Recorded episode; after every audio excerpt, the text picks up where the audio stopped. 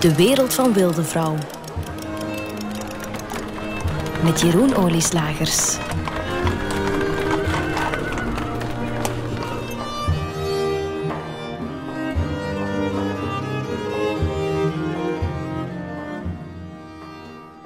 Dames en heren, het spel komt op de wagen in deze aflevering. In de vorige aflevering heb ik het gehad over ja, die vreselijke winter van 1564, 1565, waar de Schelde helemaal dichtvroor gedurende week aan een stuk. En dus de allerarmsten tot de armen vreselijk hebben afgezien. De werkloosheid begon te stijgen. Maar het heeft ook te maken met het feit, hè, dus de onvrede die er heerst in de stad, heeft ook te maken met ja, het veilen van het, het stadsbestuur dat niet genoeg bescherming biedt aan haar burgers. En daarbovenop natuurlijk krijgen die religieuze geschillen tussen de gereformeerden, tussen de Calvinisten, protestanten enerzijds en de wederdopers en al die andere religieuze, ja, er waren ook sectes, tegenover de papen. Hè. Dus je krijgt die toenemende spanning. Je krijgt ook toenemende spanning bij handelaars die dat centralistisch beleid van de koning van Spanje, Philips II en Margaretha van Parma zijn plaatsvervanger, zal ik maar zeggen, in de lage landen. Ja, die dat beu zijn, die gewoon meer autonomie willen. En heel die cocktail wordt maar waanzinniger en waanzinniger. En de toenemende anticlericale geest die in de stad heerst, ja, die begint de stad volledig te vergiftigen. Alles staat op scherp en iedereen is slecht gezien. De wederdopers waren het ergst van al. Liever Turks dan paaps, zo werd het door hen geroepen aan de ene kant van een rui. En aan de andere kant ontploften ze. Hoe durft je dat nog maar te pijnzen, smerige verraders? Zet je niet beschaamd? Het bleef nog bij roepen en schelden, maar er waren er ook die toonden dat hun vuist gekneld zat rond het heft van hun rapier of dolk, klaar om bloed te vergieten als het echt niet anders kon.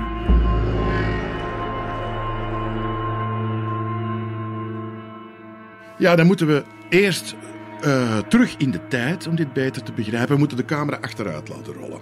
En we, we komen dan uit bij het concilie van Trente. En dat concilie van Trente, dat begint in 1545. En dat komt natuurlijk, dat concilie wordt georganiseerd omdat je mensen hebt zoals Luther en Calvin die opkomen en een bedreiging zijn voor de kerk.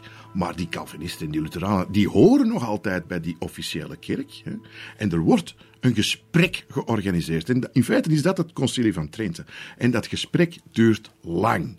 Heel lang. Het begint in 1545 en het eindigt in 1563. En het ironische van dit hele lange, 18 jaar durende gesprek is de conclusie.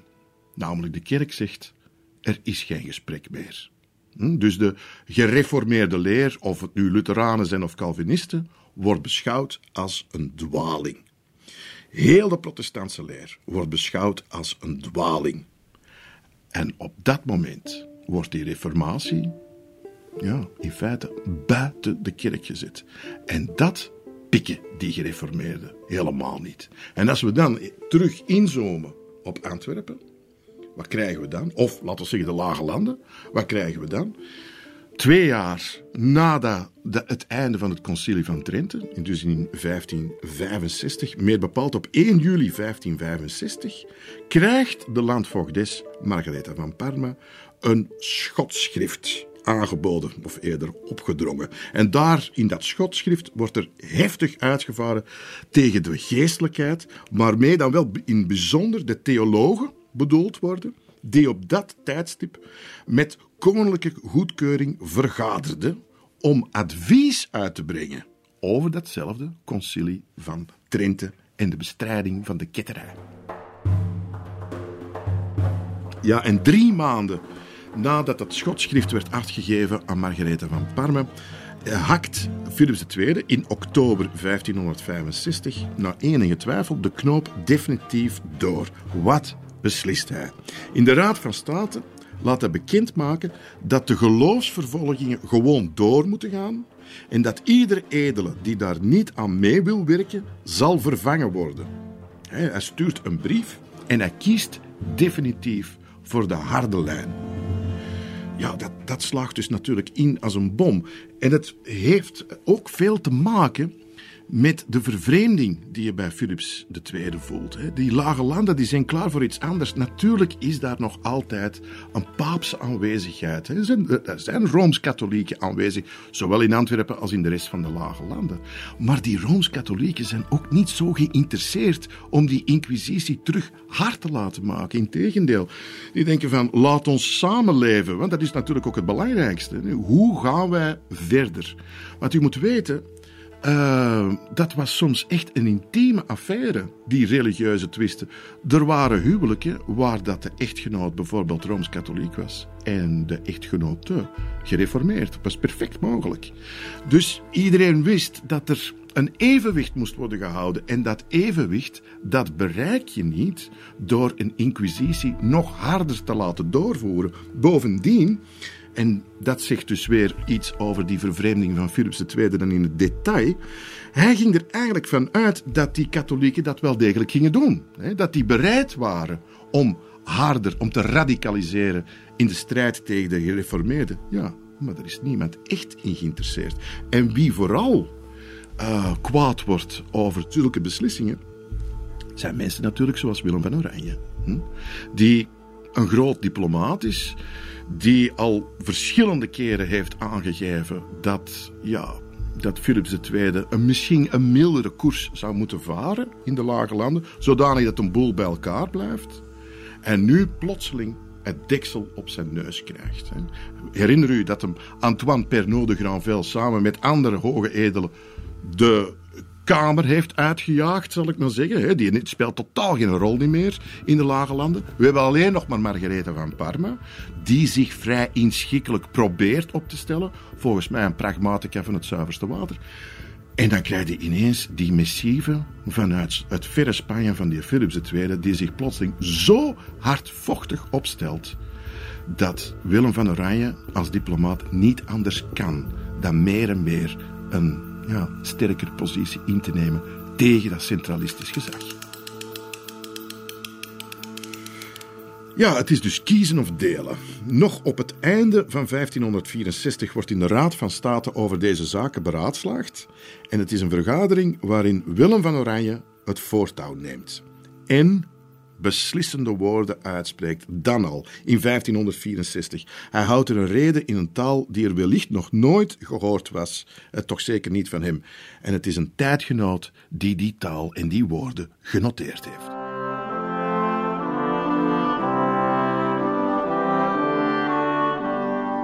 Wij bedriegen anderen en onszelf als wij met die schijnbaar dienstvaardige woorden zowel de ziekte als het geneesmiddel verbloemen.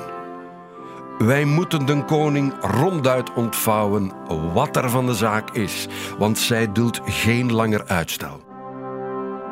Vooreerst moeten wij hem eenvoudig en zonder omslag van woorden aantonen dat de godsdienst in de naburige rijken en gewesten hevig geschokt is en ook in de Nederlanden zeer geleden heeft zodat bij het schandelijke leven der geestelijken, hoofdoorzaak der woningen, de kerk door de strengheid der plakaten en processen of door de instelling der bisschoppen alleen niet langer kan worden gehouden in de oude staat. Dan dat de onderdanen het woeden der inquisiteurs niet meer willen verdragen. Die rechters zijn zo in de grond bedorven en door hatelijke onderlinge twisten zo berucht dat zij de mensen niet langer tot hun plicht kunnen brengen. Ik zelf, ik ben katholiek en wil van die godsdienst niet afwijken. Maar toch kan ik niet goedkeuren de gewoonte der koningen om het geloof en de godsdienst der mensen naar hun wil binnen willekeurige grenzen te beperken.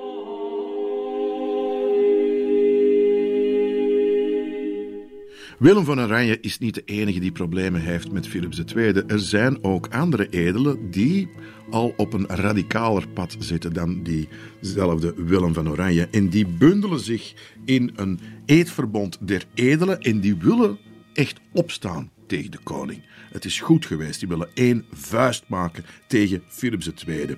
En in december 1565 wordt er een petitie opgesteld, waarin werd gevraagd om het bijeenroepen van de Staten-Generaal en opschorting van de bloedplakaten en vervolgingen. En die petitie gaat het land door en wordt ondertekend door ongeveer 400 edelen en heel interessant, zowel katholieken als protestanten, hm, die er echt genoeg van hebben. Maar wie houdt zich daarvan afzijdig? Wel, de graven van Egmond en Hoorn en Willem van Oranje. Maar dat lijkt het blijft dubbelzinnig. Alles is in feite dubbelzinnig van Willem van Oranje. Dat is een diplomaat. Hij zegt, ja, nee, daar heb ik niks mee te maken. Dat gaat me waarschijnlijk wat te ver.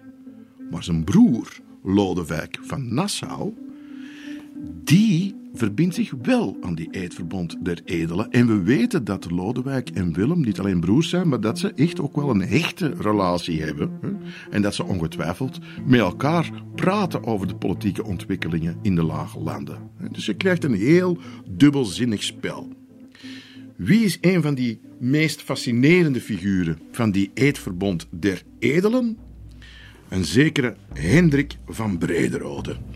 Zijn bijnaam is de Grote Geus en die speelt een vrij belangrijke rol in mijn roman Wilde Vrouw. Hij is eigenlijk de rechterhand van Willem van Oranje op een bepaald moment. In 1552 dient hij in het leger, aangevoerd door Willem van Oranje. Een van zijn broers werd gedood in 1557 tijdens de beroemde slag van Saint-Quentin. De ander sneuvelde enkele jaren later toen hij tegen de Turken streed. Het is natuurlijk een militair, die Hendrik van Brederode. Maar hij voelt zich, zoals zoveel edelen ook, buitenspel gezet. Eh, hij, als krijgsman wordt hij, of werd hij tijdens de jaren 50 van de 16e eeuw geëerd door Philips II. Hm? Maar hij krijgt een onderscheiding. Maar langs de andere kant hè, komt hij meer en meer in opstand tegen die centralistische politiek van Philips II. En vooral als het gaat over religieuze vrijheid. Hm? Vanaf het moment dat dus die kettervervolging altijd maar sterker en sterker wordt, zet Van Brederode zijn hielen in het zand. En hij begint openlijk te kiezen voor het nieuwe geloof. En straffer nog, in zijn kasteel in Vianen laat hij vanaf ongeveer 1563 zelf boeken en pamfletten drukken die elders verboden waren. Kan u je voorstellen? Een edelman die eigenlijk drukker is, of in ieder geval een soort beschermheer van het vrije gedachtegoed. En zo wordt hij populairder en populairder. Hij wordt altijd bekender als degene die een radicaal standpunt inneemt, of steeds radicaler standpunt inneemt tegenover Spanje en hun religieuze bemoeienissen.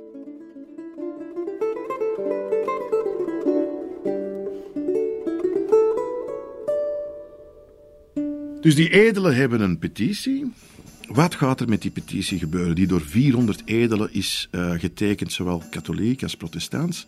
Ja, Willem van Oranje tekent niet, maar suggereert op een of andere manier dat die petitie wel eens onder het oog van Margaretha van Parma zou moeten worden geschoven. En dat is exact wat er gebeurt. Tijdens de avond van 3 april 1566 Ga Brederode, samen met de broer van Willem van Oranje, Lodewijk van Nassau, gaan die, rijden die Brussel binnen met 200 geconfedereerde edelen. Alle te paard en in oorlogsuitrusting. En vooral Brederode is er zich van bewust dat hij zich met zijn steeds slechter wordende reputatie nu in het hol van de leeuw begeeft. Sommigen hadden gedacht dat ik niet in de buurt van Brussel durfde te komen. Toch ben ik er. En ik verlaat de stad misschien op een andere manier.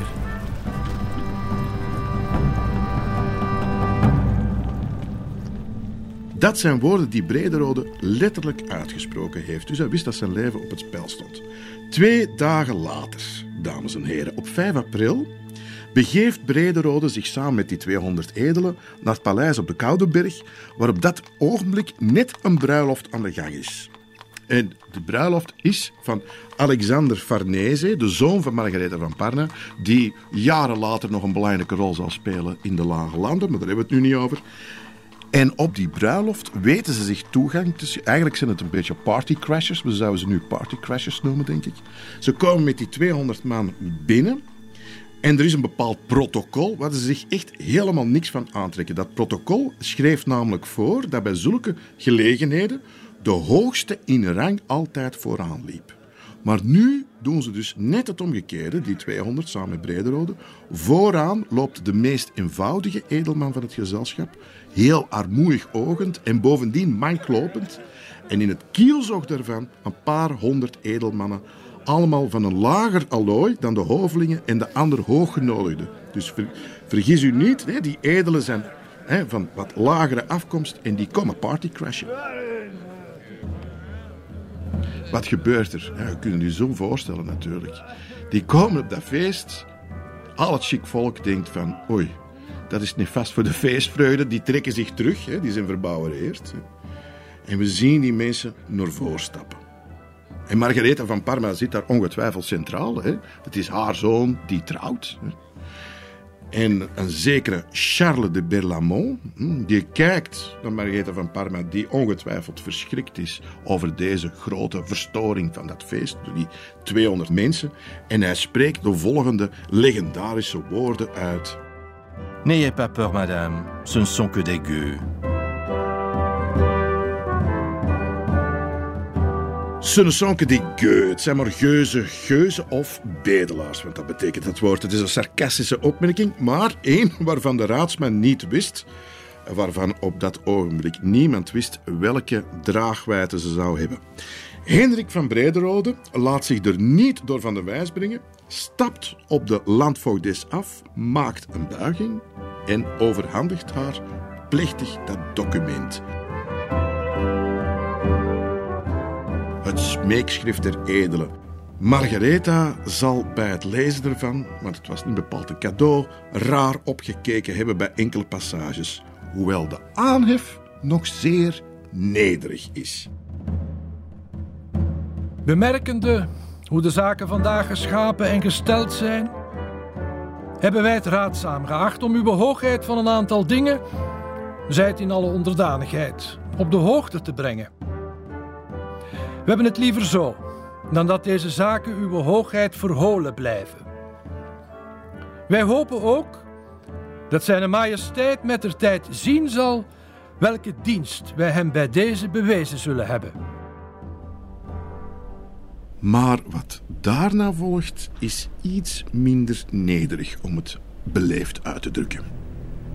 Hoewel wij, mevrouw, geenszins twijfelen aan al hetgene wat zijn koninklijke majesteit eertijds en ja zelfs recent geordoneerd heeft betreffende de inquisitie en de scherpe handhaving van de plakaten, moeten wij ook vaststellen dat de ene tijd de andere niet is. En iedere tijd vraagt om eigen maatregelen. De genoemde plakaten hebben, hoewel ze niet eens in alle gestrengheid werden toegepast, nu al enige jaren tot moeilijkheden aanleiding gegeven. Wij vrezen daarom dat door het laatste besluit van zijn majesteit, waarbij hij nadrukkelijk beveelt dat de inquisitie haar taak moet vervullen en de plakaten in alle strengheid uitgevoerd moeten worden, de moeilijkheden zullen toenemen. Er zou wel eens een algemene opstand kunnen uitbreken die tot een ineenstorting van alle landen kan leiden. De houding van het volk is reeds veranderd.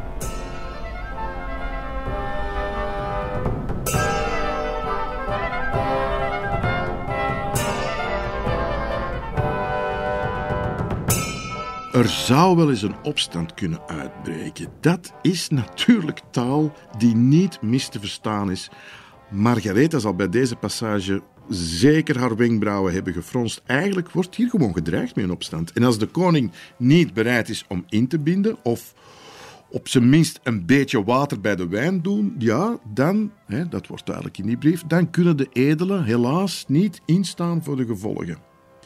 En uiteraard, de edelen zal men nadien niets te verwijten hebben, want ze hebben wel degelijk de koning gewaarschuwd. Maar wat vragen ze nu precies in die brief? Ze kunnen wel waarschuwen, maar wat is dan eigenlijk de remedie dat ze voorstellen? Moderatie, zeker, maar ze willen dat ook concreet maken. En dat vraagt om onderhandelingen op het hoogste niveau, bij de koning zelf dus. En daarvoor moet er iemand naar Spanje toe. Ze vragen dus aan Margaretha, en dat is een eh, letterlijk citaat, al zo haast als het immer mogelijk is aan zijn koninklijke majesteit een nutten en bekwamen persoon te zenden. En het antwoord van de landvoogdes komt reeds de volgende ochtend. Hare Hoogheid, gehoord hebbend wat er wordt gevraagd en verzocht door de inhoud van dit verzoekschrift, is wel besloten iemand naar zijn majesteit te zenden om het hem voor te leggen. Verder zal Hare Hoogheid alle goede diensten doen die ze zal menen te kunnen doen om zijn genoemde majesteit ertoe te brengen het verzoekschrift van de smekelingen in te wilgen. Zij moeten op niets anders hopen. Ja, goed nieuws. Het is gelukt. Ze gaat in op het verzoek om iemand naar Spanje te zenden om daar de zaak uit te klaren. Evenwel zonder de smekelingen daarbij valse hoop te schenken. Maar wat ze wel bereid is te doen, is om haar inquisiteurs aan te zetten tot discretie en matiging. En zo schrijft ze zelfs letterlijk in het antwoord. Hare Hoogheid zal bevel geven dat zowel door de inquisiteurs, op plaatsen waar die tot nu toe al zijn, als door de rechters met discretie en matiging zal worden opgetreden, zodat niemand reden heeft zich erover te beklagen. Hare Hoogheid verwacht ook van de smekelingen dat ze zich zodanig zullen gedragen dat zij niet tot andere maatregelen gedwongen wordt.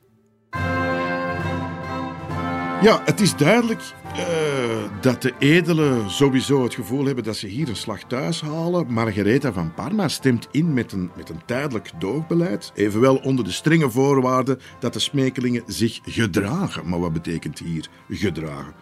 Niettemin, Margaretha houdt woord. In overleg met de Raad van State vaardigt ze twee leden af om te gaan onderhandelen met de koning van Spanje, waaronder de broer van de graaf van Horen. Voor Hendrik van Brederode is dit al genoeg aanleiding om een feestje te geven.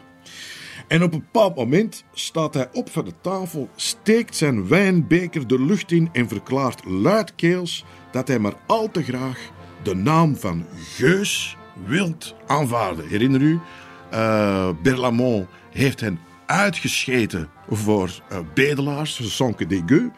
En Hendrik van Brederode zegt: absoluut. Wij zijn geuzen en daar zijn we trots op. En wij gaan ons niet schamen uh, voor die uitspraak. Integendeel, wij gaan die omarmen, die naam. En als wij moeten bedelen bij vorst en vaderland, dan is dat maar zo.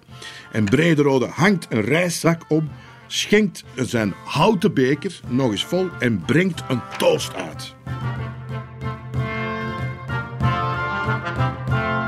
Als wij dan geuzen zijn, laten we dan ook maar bedelzakken dragen en uit bedelzakken drinken.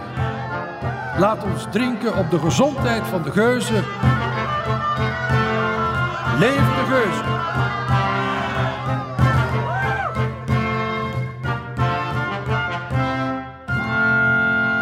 Leven de geuzen, vive les gueux. En die leuze verspreidt zich razendsnel over de Nederlanden. Er verschijnen geuzenspreuken en armbanden met daar kleine bedelnapjes aan. De Nederlandse edelen gingen voortaan door het leven als geuzen en ze waren dus ook gekleed als geuzen, als bedelaars. Pittig detail. Um, ze hadden ook een Turkse snor. Dat vind ik helemaal fascinerend. Hè? In, in de annalen staat beschreven naar de gewoonte der Turken opgezet en omgevrongen. Dames en heren, ik heb zo'n snor. Ik wist zelfs niet dat ik een geuzensnor had, maar ik heb zo'n snor. Ik doe af en toe vet in mijn snoreinde. Dus ik heb een, een, een geuzensnor. En waarom werd dat een Turkse snor genoemd?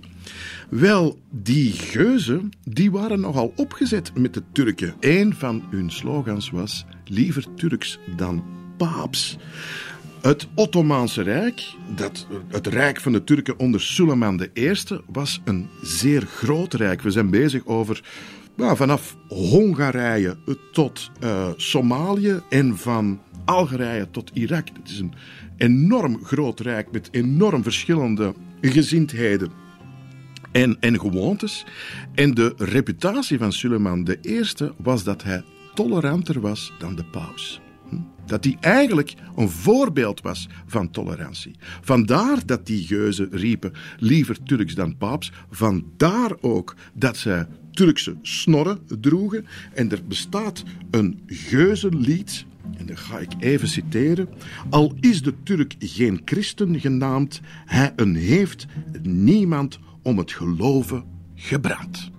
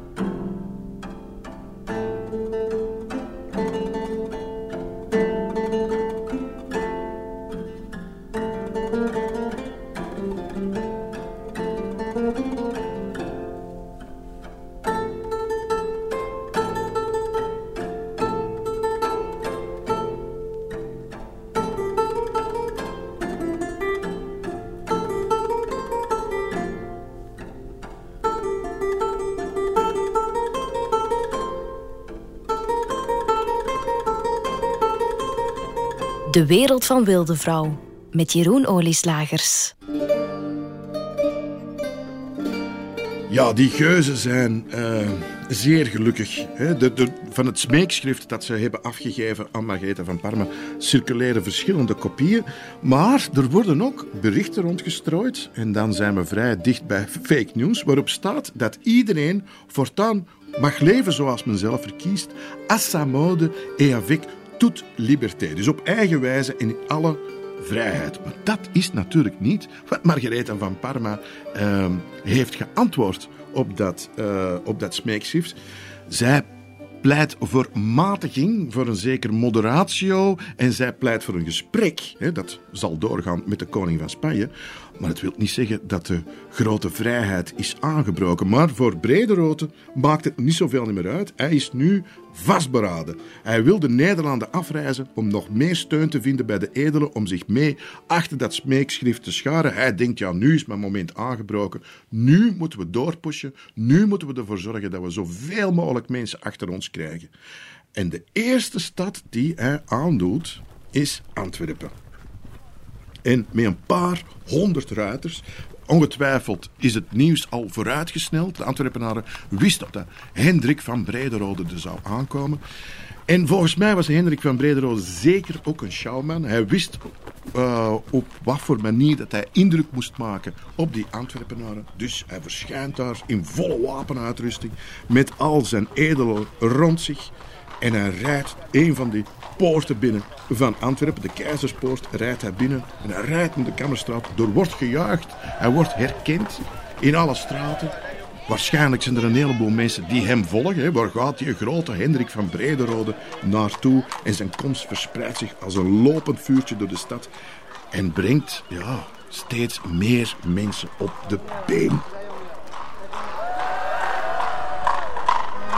Vanuit alle straten begonnen mensen toe te stromen.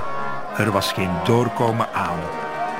Duizenden juichende mensen stonden verzameld aan de herberg. Wij willen de geest! Wij willen de geest! Wij willen de geest! Wij willen de geest! Ieder staarde verwachtingsvol naar de ramen van de gelachzaal op de eerste verdieping, waarvan werd aangenomen dat de geuzen daar hun middagmaal nuttigden. Toen weerklonk er een oorverdovend gejuich. Het was Brederode zelf die aan het raam verscheen. Het grauw bedelaarsgewaad had hij afgelegd. Zijn wit, half open hemd schitterde. Zichtbaar ontspannen wuifde hij naar iedereen beneden. In zijn hand hield hij een half afgekloven kippenbil waar hij een hap uitnam. Steeds meer van zijn medestanders verdrongen zich rond hem aan de open ramen. Hij wuifde mee naar de mensen. Ze waren zichtbaar dronken. Brederode, de reus van een geus, hield zijn hand omhoog.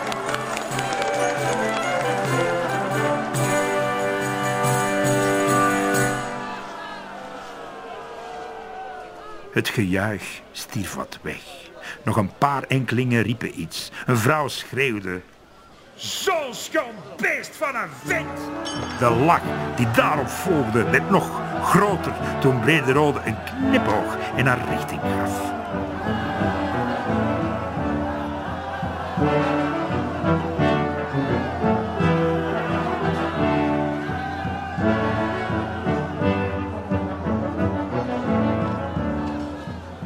Ja, dat is natuurlijk fascinerend. Die brede rode die daar uh, aan een bordes, zal ik maar zeggen, van een herberg, de menigte uh, toespreekt. De staat daar als een schoon beest van een vent.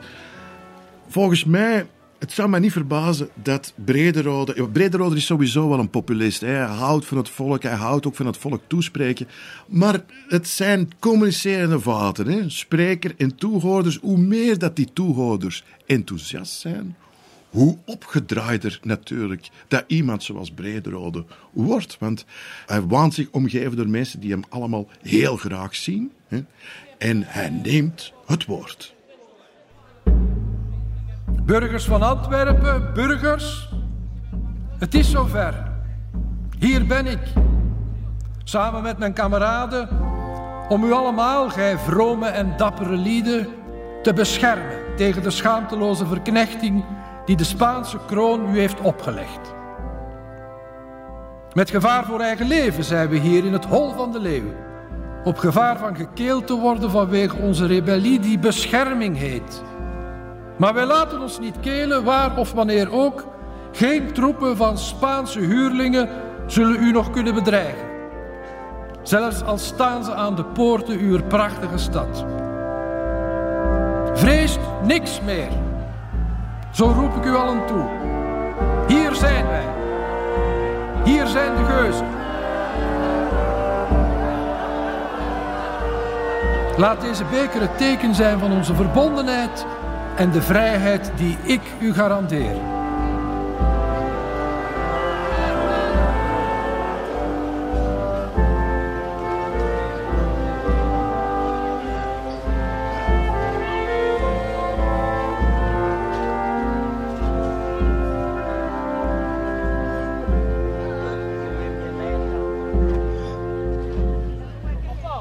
Ja, vrijheid en verbondenheid. Maar wat schuilt er nu achter die kreten? Over wat voor vrijheid gaat het? Want Ehm, de medestanders van Brederode, ja, die, het gaat hen niet enkel over vrijheid. Het gaat hen ook, er zitten andere ambities achter. Voor die handelaars draait het simpelweg weer om geld. Het geld dat ze zijn kwijtgespeeld aan de Spaanse staat. Herinner u dat de Spaanse koning bij hen is komen lenen en vervolgens van die leningen staatsobligaties heeft gemaakt? Ja, dat maakt rijke mensen slechtgezind.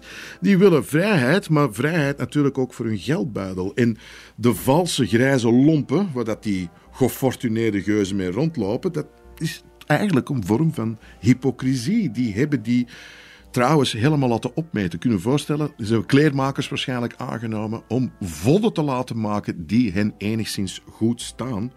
Daartegenover, tegenover die radicale handelaars, die het vooral hebben over hun geld, hè, hebben mensen die veel genuanceerder en behoudsgezinder denken dan Hendrik van Brederode. Hm. Er valt natuurlijk heel wat aan te merken op dat bewind van Philips II, maar gaan we nu echt met elkaar beginnen vechten?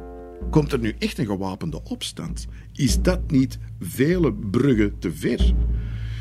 Er zijn er ook nog altijd, en dat zal je altijd uh, meemaken in, uh, in dat, soort, uh, dat soort tijden. Maken we trouwens in onze tijden ook mee. Er zijn mensen die denken van, ja, uh, het zal allemaal niet zo'n vaart lopen. We gaan blijven babbelen. Er zal wel iets uitkomen. We moeten die vorst toch niet buskeren. We, we, zijn eigenlijk toch zakenpartners. Hij profiteert toch ook mee van dat Antwerpen. Diplomatie is hier toch de enige weg. En provocatie is het pad naar de hel. Ja, en als we het hebben over diplomatie, dan hebben we het weer over het diplomatisch talent van Willem van Oranje. Ja, wat is die positie van Willem van Oranje eigenlijk? Dat viel voor buitenstaanders heel moeilijk in te schatten. Stond hij nu aan de kant van Brederode en dus uiteindelijk aan de kant van een gewapende opstand of niet? Het is niet helemaal zeker waar hij stond. Enerzijds maakt dat voortvarende optreden van Brederode het voor Oranje niet zo eenvoudig om nog met de landvoogdes te onderhandelen.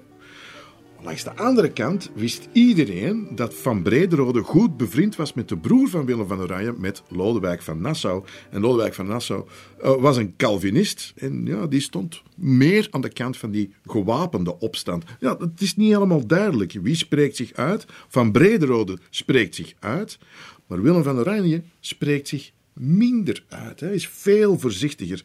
Het is een beetje zoals in een wielerkoers, waarin dat uh, Hendrik van Brederode de rol speelt van knecht.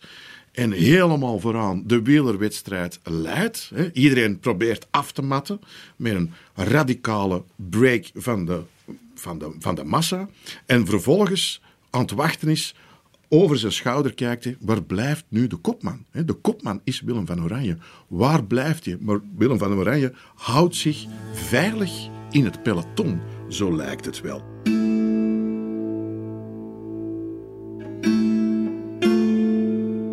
Brederode grijpt het momentum zelf niet aan. Hij denkt dat hij zich nog altijd dus als die knecht beschouwt.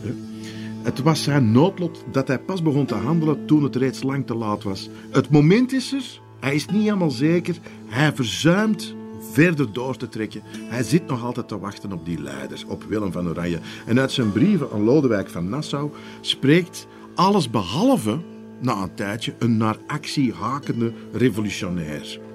We bevinden ons hier in de muil van de wolf, zucht Brederode.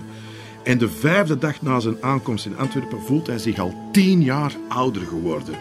Dat terwijl deze situatie hem juist had moeten verjongen. En Beer stond erbij en hij keek ernaar. Nadat Brederode de Antwerpenaar met zoveel vuur vrijheid had beloofd, was men dansend door de straten gegaan. De volgende dagen waren zijn grootste bewonderaars nog steeds aan het feesten en de gezagsdragers openlijk aan het uitdagen. Maar de rest van de bevolking werd ongemakkelijk van al die onruststokerij. Want die vrijheid, was die nu voor iedereen? De papen onder ons vonden het aanstellerij. Doe zo verder en de Spanjaarden staan hier. En dan zult je wat meemaken.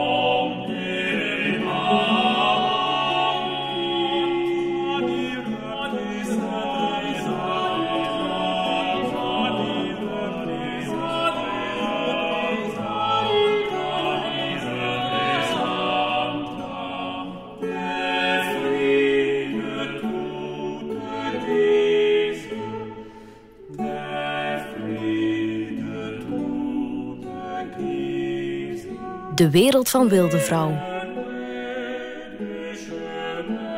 Met Jeroen Olieslagers.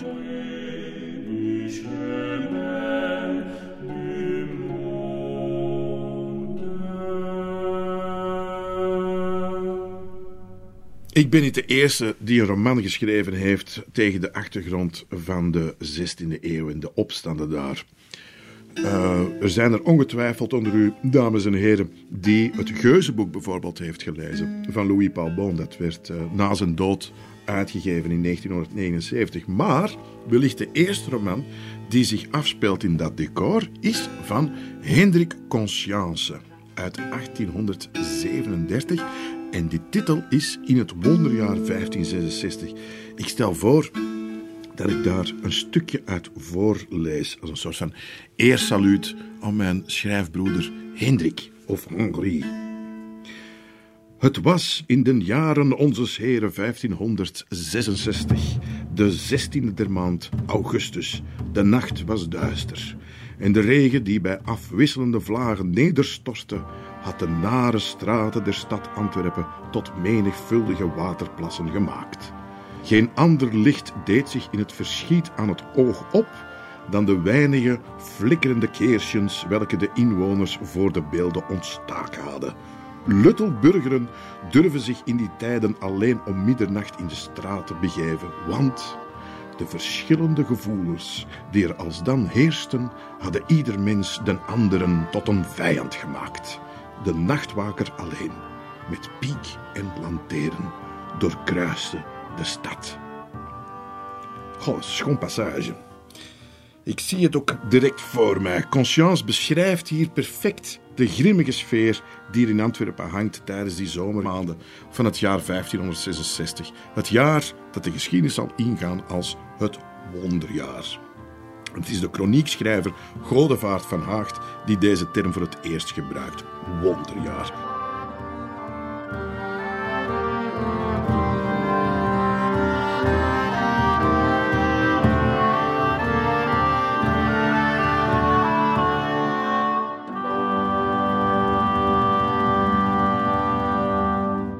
Ja, dat wonderjaar dat heeft ongetwijfeld bij u een uh, positieve bijklank, maar in die tijd was het helemaal niet positief. Wel in tegendeel. Wonderen betekenen ook gruwelen en zelfs binnen een apocalyptisch register. Het is God die ingrijpt. En die, want zeker voor die Rooms-Katholieken die denken van, ja, wat is dat met al die vrijheid? Dit is het begin van het einde. Hm? Dit, is, dit is het begin van de apocalyps. Sommige mensen waren met, met dat idee zeker bezig. Langs de andere kant waren er natuurlijk bijvoorbeeld Calvinistische vluchtelingen die dachten van, jammer, uh, apocalyps, in dat Antwerpen heerst de vrijheid. En die stromen dus naar dat Antwerpen waar die vrijheid zou heersen die Hendrik van Brederode heeft beloofd, maar die er in realiteit niet echt helemaal is. Terwijl dat die Calvinisten toestromen in die zogenaamde stad van de vrijheid Antwerpen, ontstaat er meer en meer druk, ook bij de Calvinisten, om zieltjes te winnen. Want die denken natuurlijk van oké, rond die vrijheid kunnen we mensen bij elkaar krijgen en de gewapende opstand kan alleen maar dichter komen hoe meer mensen dat we rond ons verzamelen. Waar recruteren die Calvinisten hun uh, volgelingen, hun mensen? Wel, bij de mensen die niks hebben, bij de allerarmsten. Daar gaan ze recruteren. De Lutheranen proberen dat ook, maar de Calvinisten hebben wat meer succes. Dit zijn ook de meer radicalere stemmen in dit debat. En dus ja, meer en meer laten arme mensen weten dat ook zij de echte geuzen zijn. Zij zijn ook letterlijk de bedelaars. En ze kiezen meer en meer de kant van die Calvinisten. Ja, er ontstaat dus een strijd om de ziel van die allerarmsten en die bedelaars. Maar de Lutheranen doen het op een eerder traditionele, gezagsgetrouwe manier. Via almoezeniers proberen zij die armen te bereiken. Die Calvinisten willen daar helemaal niks van weten. Die zijn helemaal niet gezagsgetrouw. Die spreken die bedelaars en die allerarmsten rechtstreeks aan. En het is die aanpak natuurlijk, waar, uh, die radicaler aanpak, waar dat die allerarmsten en die bedelaars uh, wel voor te vinden zijn. Dus de Calvinisten winnen het pleit als het gaat over die armen. En dat weet Peer ook. De Lutheranen wilden vooral zaken doen en vezelden daarbij over paaps onrecht, terwijl ze doorgaans met rust werden gelaten omdat ze beweerden gezagsgetrouw te zijn en dus bleven pleiten om de kerk in het midden te houden, wat in feite niks betekende, buiten wat berekende klap die zich als wijsheid voordeed. Zij die Calvijn als een grote profeet beschouwde, spuwde het liefst drie keer op de grond, vooraleer zich tot hun Lutheraanse broeders te wenden, die zij lafheid verweten. De Calvinisten beweerden dat men geld niet mocht verafgoden, zagen blijkbaar overal neergang, afgoderij en wellust en wilden in het geheim alles omverwerpen. Ze hadden zich over de stad verspreid in honderden huizen, maar ook zij bleven in de eerste plaats liever leven dan door de inquisitie heimelijk te worden verdronken aan het scheren steen. Gelijk die tapijtenmaker, die ze een paar jaar geleden wilde verzuipen in een te klein vat en dan maar hebben doodgestoken, gelijk een zwijn. Ja, en die tapijtenmakers, waar dat Beer hier naar verwijst, was Jan Bosgaard in 1561 veroordeeld om levend verbrand te worden, maar, en zo staat het in de Antwerpse kroniek, de heren, vrezende voor oproer, hadden hem heimelijk doen verdrinken, terwijl niet zonder grauwzame moderijen geschied is, want boven dat de tobbe eng en klein genoeg en dat hij een lang en fris persoon was, zo hadden ook de beul zo weinig water genomen dat hij den patiënt daarmede niet verdrinken konde, zodat hij eindelingen bedwongen was hem te doorsteken, gelijk met naderhand in dood lichaam bevonden heeft. Ja, die mensen hebben ze dus proberen af te maken op uh, verschillende manieren. En uiteindelijk hebben ze hem uh, doodgestoken. En ze hebben hem ook achtergelaten, ergens in Antwerpen op het Galgenveld. En die Calvinisten die vinden het uh, toegetakelde lijk terug van hun broeder, van Jan Bosgaard. En dat zijn ze natuurlijk niet vergeten. Ze worden daar razend over. Maar tegelijkertijd is die schrik voor de inquisitie er wel degelijk. Hè. Er was een tijdelijk staakt het vuren. Maar dat betekende niet dat de zaak gewonnen was. Het stadsbestuur en de wethouders hielden de boel scherp in gaten. En voor hen natuurlijk, zij zitten ook in een hele moeilijke positie. Dus ze moeten heel delicaat bewegen. Die religieuze spanningen die zorgen ervoor dat ja, buitenlandse kooplieden de stad beginnen te verlaten. En dat willen ze natuurlijk kost wat kost vermijden. Maar wat konden ze doen? Wat was hun positie hierin? Ze konnen uh, tegen die, al die Lutherse en Calvinistische predikanten, die opeens uh, ja, helemaal opgepompt waren met moed en zelfvertrouwen, wat konden ze doen om die tegen te houden in het openbaar te prediken? Ja, prediken is hier al een sleutelwoord. Want buiten de stadsmuren werd er wel degelijk gepredikt. Vanaf eind mei 1566 worden in het toen nog landelijke Berchem en op de Luisbekelaar in Borgerhout de eerste hagepreken gehouden. Op 24 juni, twee maanden later ongeveer, lokken ze naar schatting 3000 toeschouwers. Een week later loopt dat aantal op tot 20.000 mensen. Dames en heren, dat is een vijfde van de volledige bevolking van Antwerpen op dat moment. Kan u zich voorstellen dat een vijfde van een stad de stadsmuren verlaat om naar toespraken te gaan luisteren, naar die befaamde hagepreken. Toen werd dat woord nog niet gebruikt, we zijn het later beginnen gebruiken. Een getuige schrijft dat het die dag, dus op 24 juni, met die 20.000 man, bloed en bloed heet is in het open veld, zodat mensen flauw vallen van de hitte. Maar toch, de lokroep is te groot. Het doet mij wat denken aan, uh, laten we zeggen, een festival. Een festival ergens in een veld met heel heet weer. Laten we denken, Werchter, Pukkelpop, whatever. Zoiets. 20.000 man in een open ruimte die luisteren naar ja, speeches. En het is voor Beer uit mijn roman Wilde Vrouw um, een fantastisch moment. Hij bekijkt het met een zekere distantie. Maar zoiets heeft hij nog nooit gezien. Er waren er vele duizenden die zich in vier groepen hadden verzameld, telkens rond een predikende mens. Een van hen, vlak bij ons, was net klaar. Hij werd van het kleine getimmerde verhoog geholpen nadat hij zijn baret had afgezet en naar de hemel had gestaard met zijn armen wijd. De nieuwe predikant klom op het staketsel. Hij kreeg de baret aangeboden die hij plichtig opzette. In de naam onze Heeren, gezegend zijt gij allen. Uit het boek Exodus, 20ste chapiter. Toen sprak God al deze woorden, zeggende: Gij zult geen vreemde goden hebben voor mij. Gij zult geen gesneden beeld, noch enige gelijkenissen maken van hetgeen boven in den hemel is en van hetgeen onder op de aarde is, of van hetgeen onder de aarde is in de wateren. Gij zult die niet aanbidden of godsdienst aandoen, want ik ben de Heere uw God en heb u sterk en jaloers lief. Beelden leren u niks dan valsigheden en futiliteiten. Waarom aangeklede beelden met goud, zilver en fluweel, wanneer de ware armen onder ons, de werkelijke afbeeldingen van God, verstoken blijven van voedsel en kleding? Het is zielenmoord om te worden gedwongen beelden en stenen te aanbidden. Geen waarheid is groter dan die te vinden is in de schrift. Dit is het woord van God. De waarheid en niets dan de waarheid.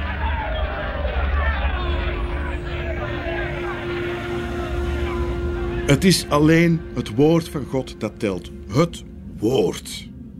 En dus niet de beelden, de schilderijen, de glasramen, de vergulde en rijkelijk versierde monstransen, want die zijn godslasterlijk volgens hen.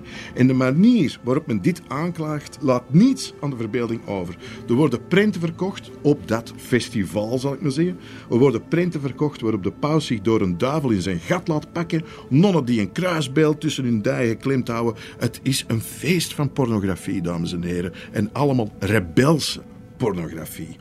En het gaat niet alleen over de beelden waar ze zich zo tegen verzetten. De hele Eucharistie moet eraan geloven.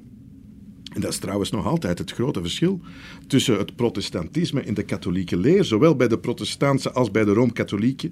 Eucharistie gelooft men dat Christus aanwezig is, maar het grote verschil is de wijze waarop dat Christus aanwezig is in dat sacrament.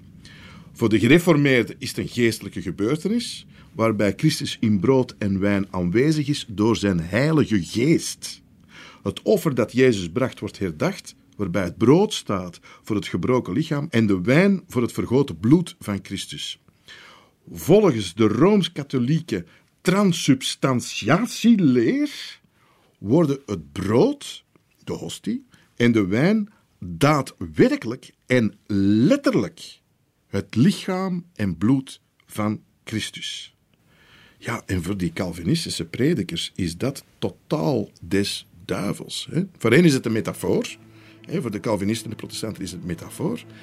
Voor de katholieken is het werkelijkheid. Die hostie is het lichaam van Christus.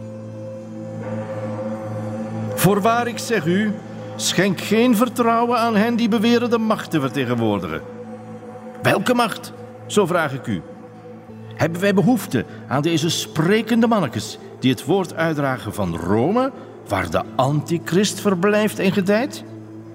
Zij bieden ons brood en wijn aan in hun afgodstempels en willen ons doen geloven dat zijn bloed te drinken valt uit hun zilveren kelken. Hoe godslasterlijk is dit allemaal niet? Christus zit hierboven, aan de rechterhand van God, zijn hemelse Vader, van waar hij dra zal komen om te oordelen de levenden en de doden. Indien de Heilige Schrift ons beveelt om Christus in geest en in waarheid te aanbidden, waarom wordt hij dan aanbeden in een stuk brood?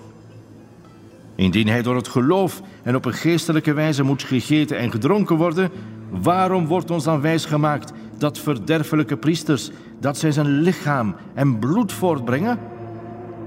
Ga, laat ons bidden, broeders en zusters. Laat ons bidden.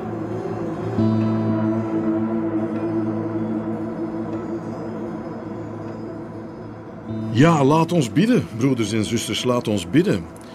Maar als we het hebben over die broederlijkheid en die zusterlijkheid. ehm, nu werd het een familiale kwestie. hm? Dus eh, de hostie, is dat nu het lichaam van Christus of niet? hè? Ja, dat was eh, voor een stuk theorie. Eh, er werd over gediscussieerd. Maar plotseling raakt het zo geradicaliseerd dat families in de problemen geraken. Want er zijn natuurlijk, het, het is perfect mogelijk dat er gereformeerden zitten in dezelfde familie met rooms-katholieken. Hoe doen we dit in de praktijk?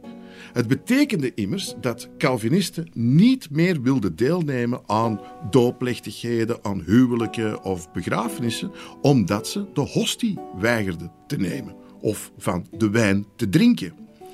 Ehm, en dan krijg je een sociale kwestie uiteraard. Hè. Die, er worden heel de families uit elkaar gesleurd door deze voorheen theoretische kwestie, die nu plotseling echt een, eh, een strijdpunt wordt tussen verschillende gemeenschappen.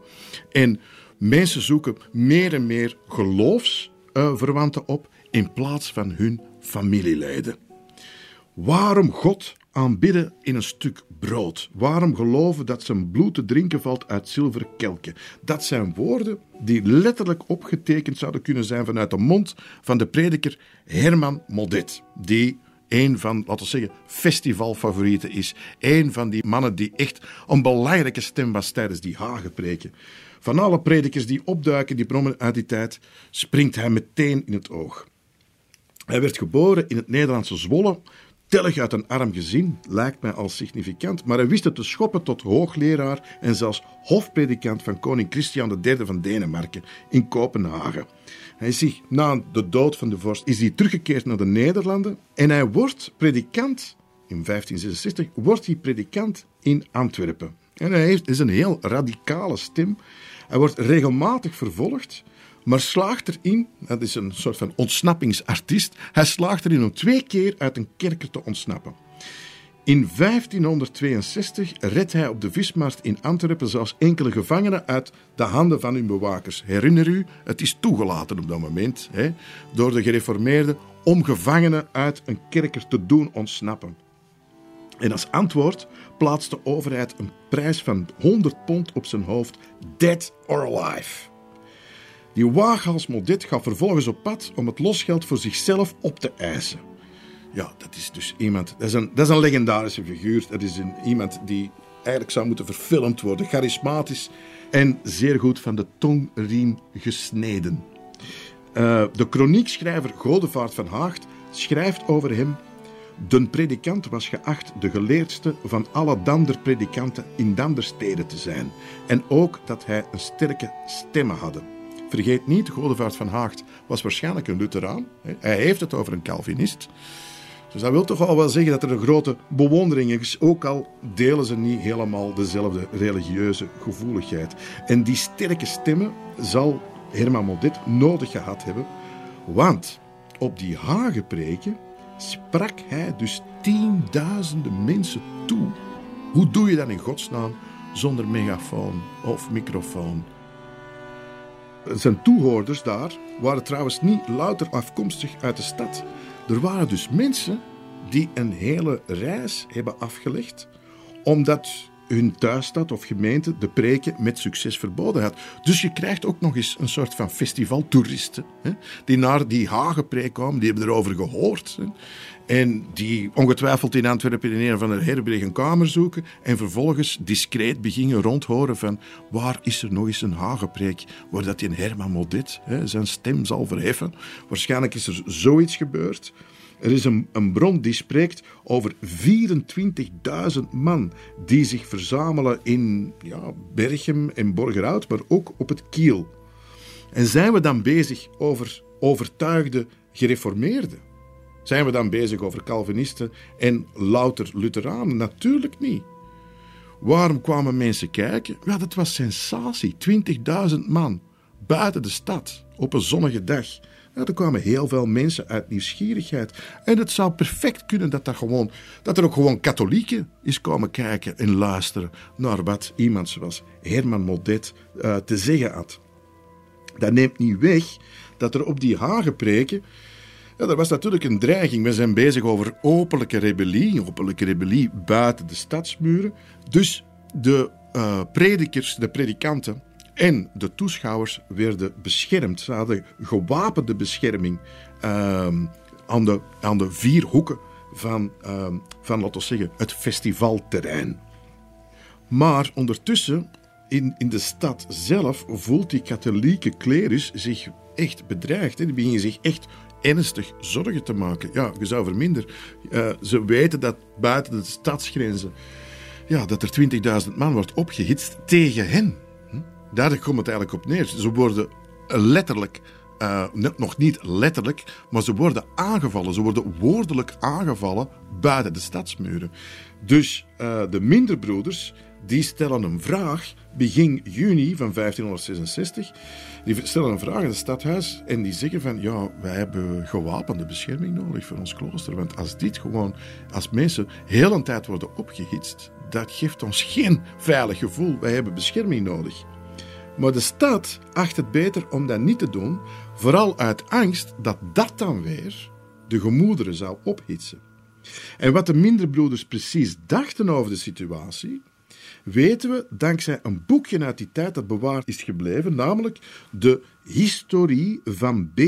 Cornelis Adriaanse, minderbroeder binnen die stad van Brugge. Het is eigenlijk een literaire satire in volkstaal, waarin een aantal preken van deze broeder worden geparafraseerd. En het is wel duidelijk dat broeder Cornelis daarin de stem vertolkt van de rechtlijnige katholieke fracties die elke openheid naar religieuze verdraagzaamheid bekampen.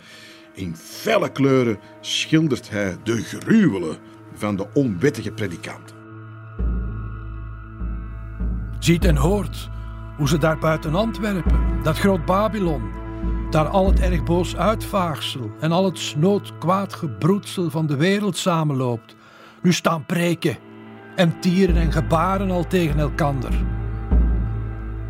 Hier staat een vermaledijde Calvinist of sacramentaris, daar staat een verdoemde Lutheraan of Martinist of confessionist. Ginds staat een vervloekte herdoper, daar een duivelse libertijn. En elk tiert, roept, schreeuwt en gebaart om het zeerste. Elk wil het zijne voor het beste houden en verantwoorden. Ja, maar de spanning neemt toch toe hè, in bij die stad en de, de, de stadsbestuurders. Uh, ze weten ook dat uh, dit niet kan blijven duren. En op 31 juni en 1 juli wordt er vergaderd op het stadhuis en wordt er beslist om de predikaties buiten de stadsmuren te laten verbieden. Al moet gezegd dat vele wijkmeesters, dus dat zijn de mensen die moeten toezien op de naleving van het verbod, dat die gewoon niet kwamen opdagen tijdens die twee vergaderingen op 31 juni en 1 juli, omdat ze niet wilden toestemmen met een verbod. Ze wisten maar al te goed dat ze niet bij machten waren om te roeien tegen de stroom in. En gelijk hadden ze. Want enkele dagen na de vergadering gingen de mensen opnieuw ter predikatie, gewapend deze keer, omdat het gerucht liep dat men die beruchte predikant Herman Modet zou aanvallen. En dit bewijst dat er toch enige ongerustheid was aan beide kanten over het goed verlopen van de preek, en dat was niet een onrechte.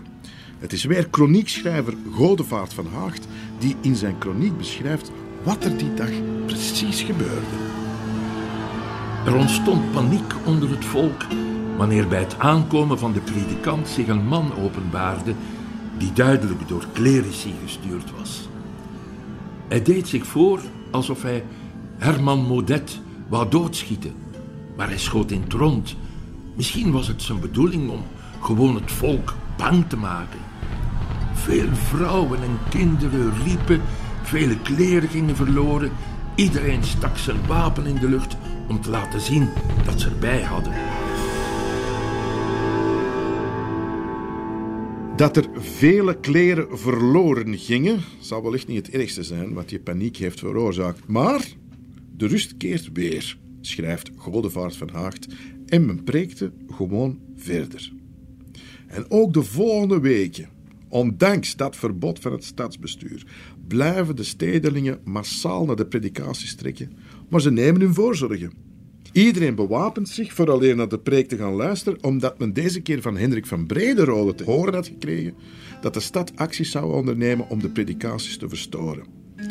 Zijn raad om in kleinere groepen naar de preek te gaan luisteren, volgen de Calvinisten echter niet op. Nee, volgens mij zijn ze gewoon zitten ze heel erg te kikken op die grote massa. Waarom nog in kleine groepen? De, de openheid en de vrijheid die die mensen op dat moment ervaren.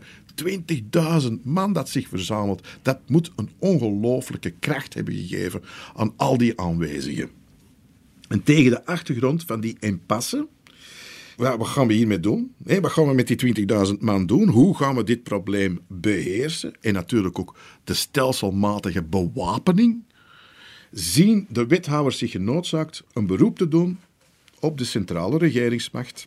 Dat wil zeggen Margaretha van Parma. Die intussen tijd overigens ook niet stilgezeten had bij de berichten dat er steeds meer gewapende toehoorders aanwezig waren bij de Hagepreken, was ze meteen begonnen met het formeren van troepen. Een eventueel gewapend verzet wil de landvoogdes absoluut voor zijn. Het wordt een soort van wapenrace, dames en heren. Iedereen bewapent zich. Daarboven vaardigt Margarethe van Parma op 3 augustus een officieel verbod uit op de hagepreken in het ganse land. En in Antwerpen liet men plakaten rondgaan waarop stond dat men moet vermijden buiten de stad te gaan, het zij uit curiositeit of anderszins tot enige predikatie die door zijn majesteit en door de stad verboden is. Bijkomende maatregelen, predikers lopen het risico opgehangen te worden en kunnen al hun bezittingen verliezen. Ook de toehoorders, zijn niet veilig en lopen de kans verbannen te worden, wat ongeveer een van de ergste straffen was buiten uh, terechtgesteld te worden, verbannen uit de stad. Het wordt bovendien interessant gemaakt om hagenpredikers te verraden. De opbrengst van hun in beslag genomen goederen komt namelijk bij de aangevers terecht. En was er geen buit, dan krijgen de aangevers van de autoriteiten alsnog een aanzienlijke geldsom. Er wordt openlijk aangestuurd op verraad, maar het haalt allemaal niks uit. Ongetwijfeld zelfs veel te laat, die maatregelen, om dit nog te kunnen indammen. Het is hoe langer hoe meer duidelijk, en wel voor alle partijen, dat er iets moet gebeuren tegen de voortgang van reformatie. In ieder geval dat er iets, dat er een compromis uh, naar voren moet worden geschoven. Dat we iemand nodig hebben met diplomatie die die boel kan ontmijnen. En wie anders zou dat kunnen zijn dan Willem van Oranje? Hij wordt erop uitgestuurd door de landvoogdes. Het is hij die door haar naar Antwerpen wordt gestuurd, want de Antwerpenaren hebben een groot respect voor hem. Hij is de burggraaf van Antwerpen, was zijn opdracht natuurlijk vergemakkelijkt. En op de avond van 13 juli 1566 doet Oranje zijn intrede in dat uh, brandende Antwerpen, bij wijze van spreken. Klaroengeschal bij valavond. Gejuich. Daar is hem! Daar is hem! Zijn ruiters vielen niet te tellen. Daar was hij, gezeten op een paard, met een zwart harnas aan, versierd met goud. Hij glimlachte vaag, wuifde en knikte spaarzaam. Het paard van zijn vrouw Anna hield met dat van hem geen gelijke tred. Zij keek wat angstig om zich heen. Ook al werden ze beschermd door twee rijen van ruiters die eruit zagen alsof ze van het een op het andere moment konden veranderen in bloeddorstige monsters die iemands lever achterloos eruit scheurden, nog voor een zinkroer op een meester zou worden gericht of een zwaard tegen hem geheven. Vievelingen! Leven de geuzen! Oranje kon er niet meer lachen. Naast hem reed de rebel Hendrik van Brederode en die had zich duidelijk wat aan de burggraaf opgedrongen. Brederode wuifde uiteraard wel vrolijk terug wanneer hij als geus werd aangeroepen.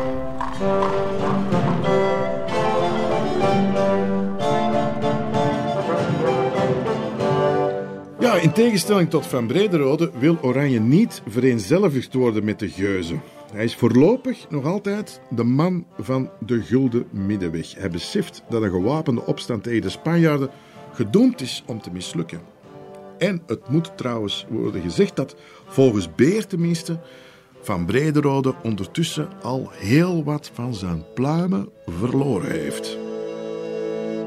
Ook zijn bewonderaars zagen hem al dagen na elkander schranzen in die herberg in de Kammerstraat, waar hij met zijn kameraden een rekening bij elkaar zoop die geen mens, zo werd er gefluisterd, zou kunnen betalen.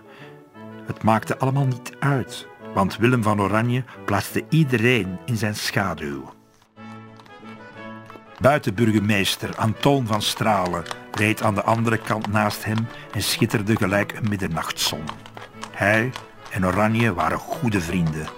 Gelijk een koning werd hij door hem onthaald en Oranje zou de volgende dag door die Antoon worden geëerd op het stadhuis, toen hem de sleutels van de stad zouden worden overhandigd, alsof het redden van deze stad een vriendendienst betrof tussen twee heren van stand. Dat redden leek op dat moment alweer een formaliteit geworden. De stad had zich met gejuich verenigd rond deze leider. Nu ging het allemaal weer op orde komen. Die mens straalde meer gezag uit door zijn pink te heffen dan heel dat stadsbestuur samen. Velen maakten met andere woorden al een heilige van hem, ook al moest de mens er nog aan beginnen. Zijn aanwezigheid volstond en de vreugde daarover werd gedeeld.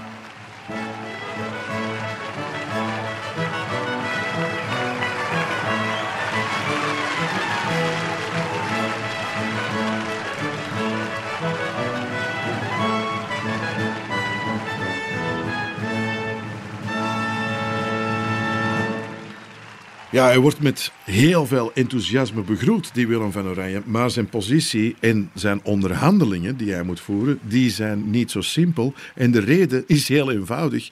Iedereen uit alle verschillende gezindheden verwacht alles van hem. Hij moet alles oplossen. De Lutheranen verwachten van alles van hem. De Calvinisten uh, eisen genoegdoening. En de papen verwachten dat hij de rust herstelt. En dat is niet zo simpel. De Calvinisten en Lutheranen konden urenlang over hem bekvechten, want beide groepen namen aan dat hij een van hen was. Zij, die nog steeds in het gezag van de paus en de koning geloofden, gaven hem dan meer het voordeel van de twijfel. Hij straalde gezag uit. Hij was een diplomaat. Hij zou iedereen tevreden stellen. De magistraat in deze stad had hem gevraagd om orde af te dwingen. Maar zij, die beweerden dat hij kwam vanwege het onvermogen van het stadsbestuur, werden luidkeels beschimpt door de mensen die ervan overtuigd waren dat hij naar deze stad bevolen was door de landvoogdis. Zij wilde ook rust. In haar paleis in Brussel was ze heel onze stad met al dat openlijk verlangen naar rebellie en vrijheid, met al die verdoemelijke ketterijen en schrikkelijke godslastering in open velden, zo beu als koude pap.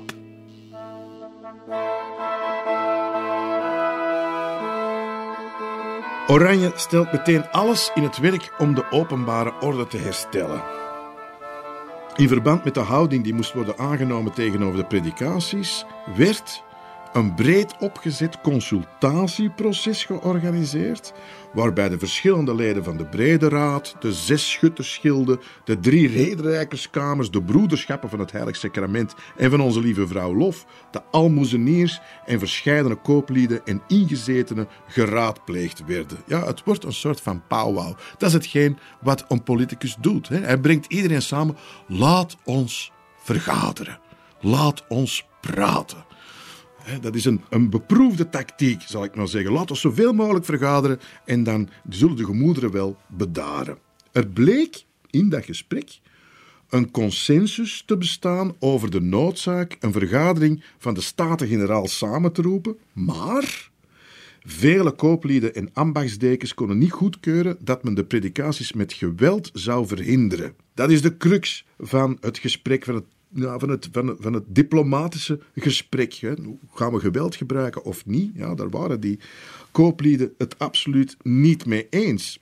De Haagpreken bleven duizenden toehoorders op de been brengen.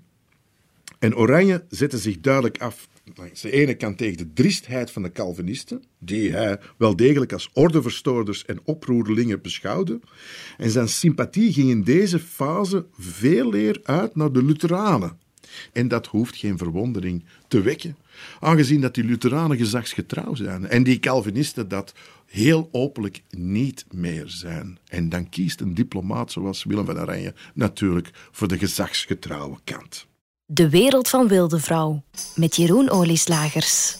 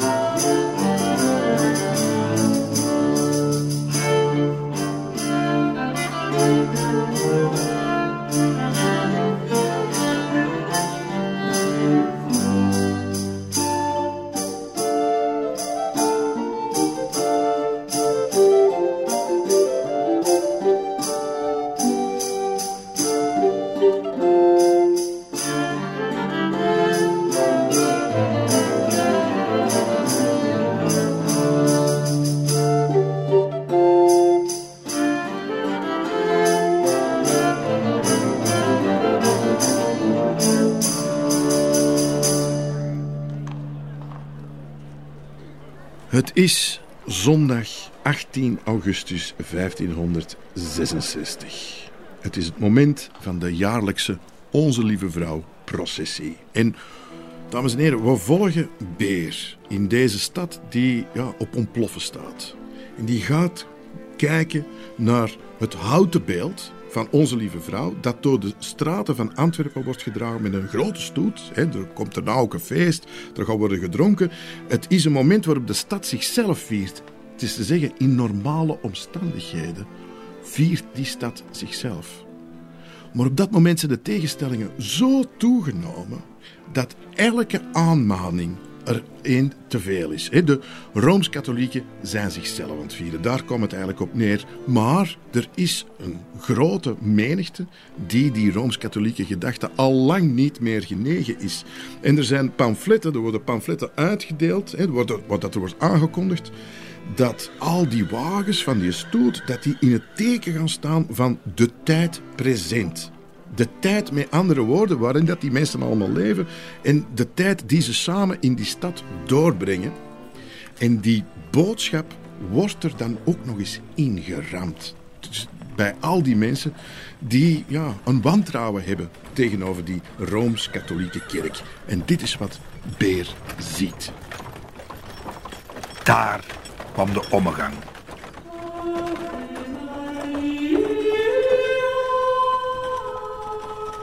Vrijwel helemaal op het eind van de stoet zou het beeld van onze lieve vrouw voorbij komen, omgeven door priesters en notabelen en in de geur van wierook. Maar eerst moest ons van alles en nog wat worden bijgebracht.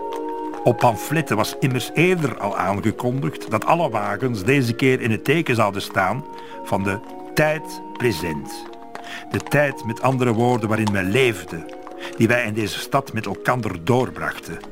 Het was duidelijk dat ieder van ons, zelfs de lomste kloot, doordrongen moest worden van de boodschap. Aan de eerste wagens waren er berichten vastgehecht met vrome oproepen.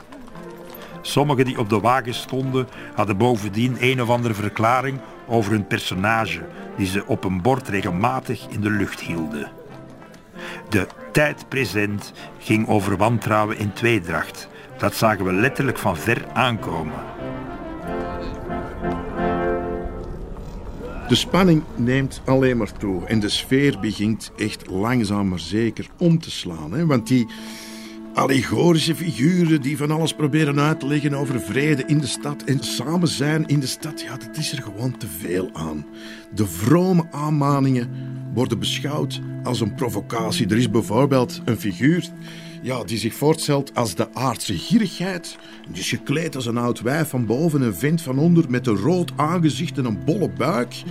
En naast haar loopt er een die verkleed is als een bedelaar die een steen krijgt. Terwijl de hond, hè, er is een hond die aan de andere kant van de gierigheid, de figuur van de gierigheid, om brood krijgt aangeboden. En er zijn mensen die zich daar heel woest over beginnen te maken van... Wat zijn ze hier eigenlijk mee ons aan het lachen? Hè? Moeten wij worden aangemaand om de gierigheid te veroordelen? Wij die al zo lang hebben afgezien in die stad.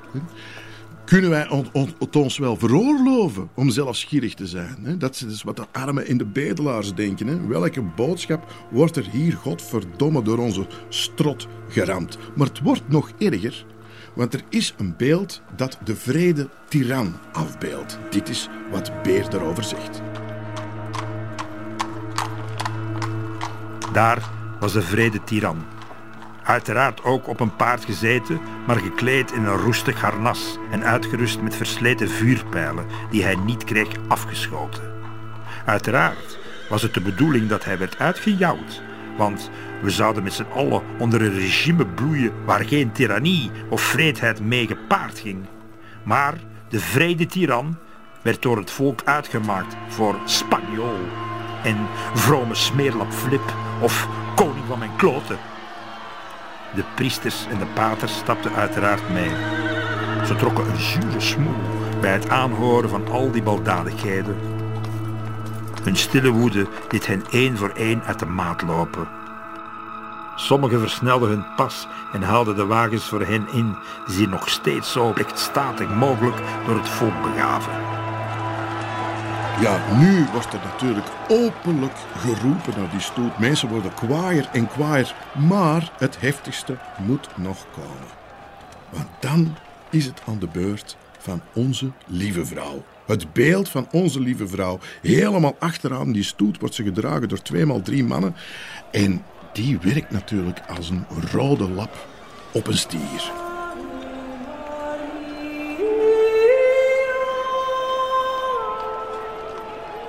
Het beeld van onze lieve vrouw, door tweemaal drie mannen gedragen en voorafgegaan door elke priester die wat te zeggen had in deze stad, was nog niet voorbijgekomen aan het portaal waar we stonden, maar ik hoorde al boos geroep. Van ver zag ik haar kroon, net voorbij de bocht van de straat, boven alles en iedereen uittorenend, en vervolgens zag ik een steen voorbij vliegen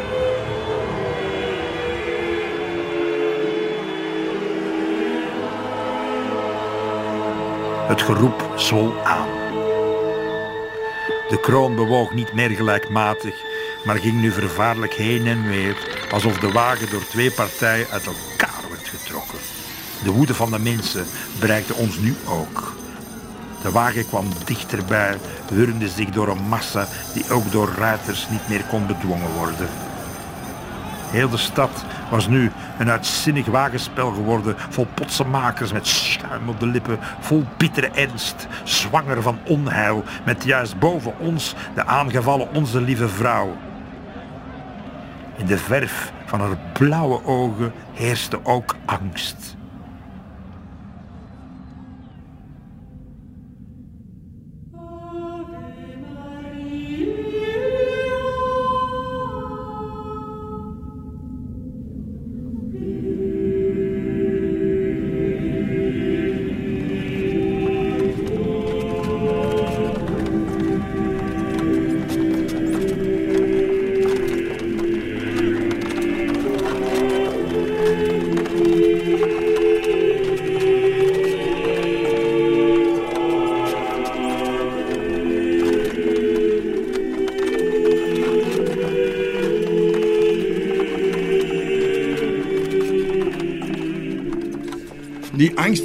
Was gerechtvaardigd, want zoveel rebelse mensen hadden zich diezelfde zondag weer buiten de stadsmuren gewaagd om achter een haag naar preken vol verzet te luisteren, terwijl het echte verzet in Antwerpen al was losgebarsten. Het, het, laten we zeggen, het focale verzet. Het beeld wordt openlijk beschimd. Het beeld van onze lieve vrouw, dames en heren, we hebben in Antwerpen een Onze Lieve Vrouw kerk op dat moment. Nu is het een Onze Lieve Vrouw kathedraal. Heel die Maria-traditie, die gaat al eeuwen en eeuwen mee. Zonder enige vorm van protest. Dus een stuk van de identiteit van die Antwerpenaar. En nu komt dat beeld en de Antwerpenaar, de Calvinisten, hebben er genoeg van. Verschrikkelijk uh, obscene dingen worden er geroepen naar dat beeld van Onze Lieve Vrouw. Terug naar uw kot, moederke. Keer weer om, gij pastoorshoer.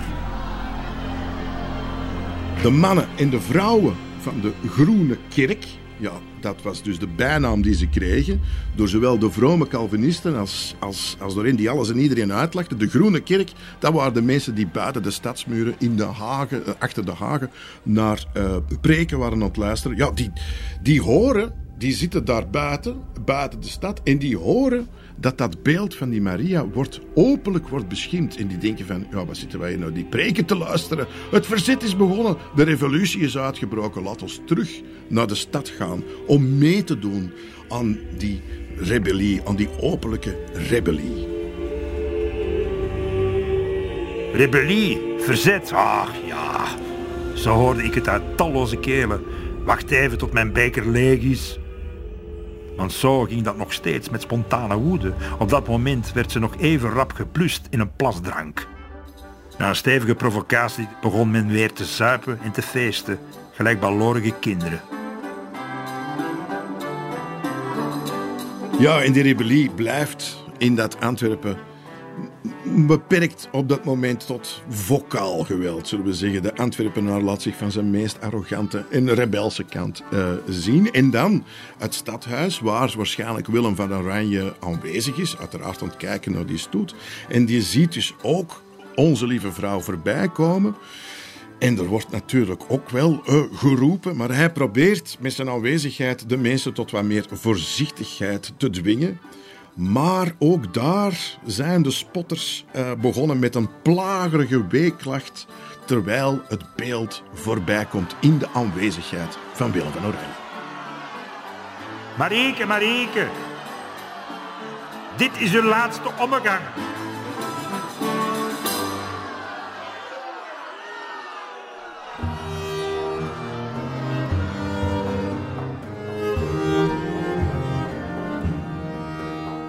Wat gaat er op dat moment om in het hoofd van Willem van Oranje? Hij ziet die openlijke rebellie op 18 augustus.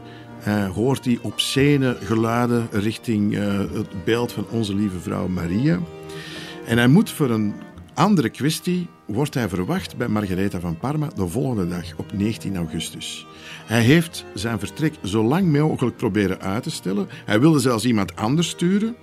Maar Margaretha van Parma had geëist dat hij op die maandag op het appel zou verschijnen.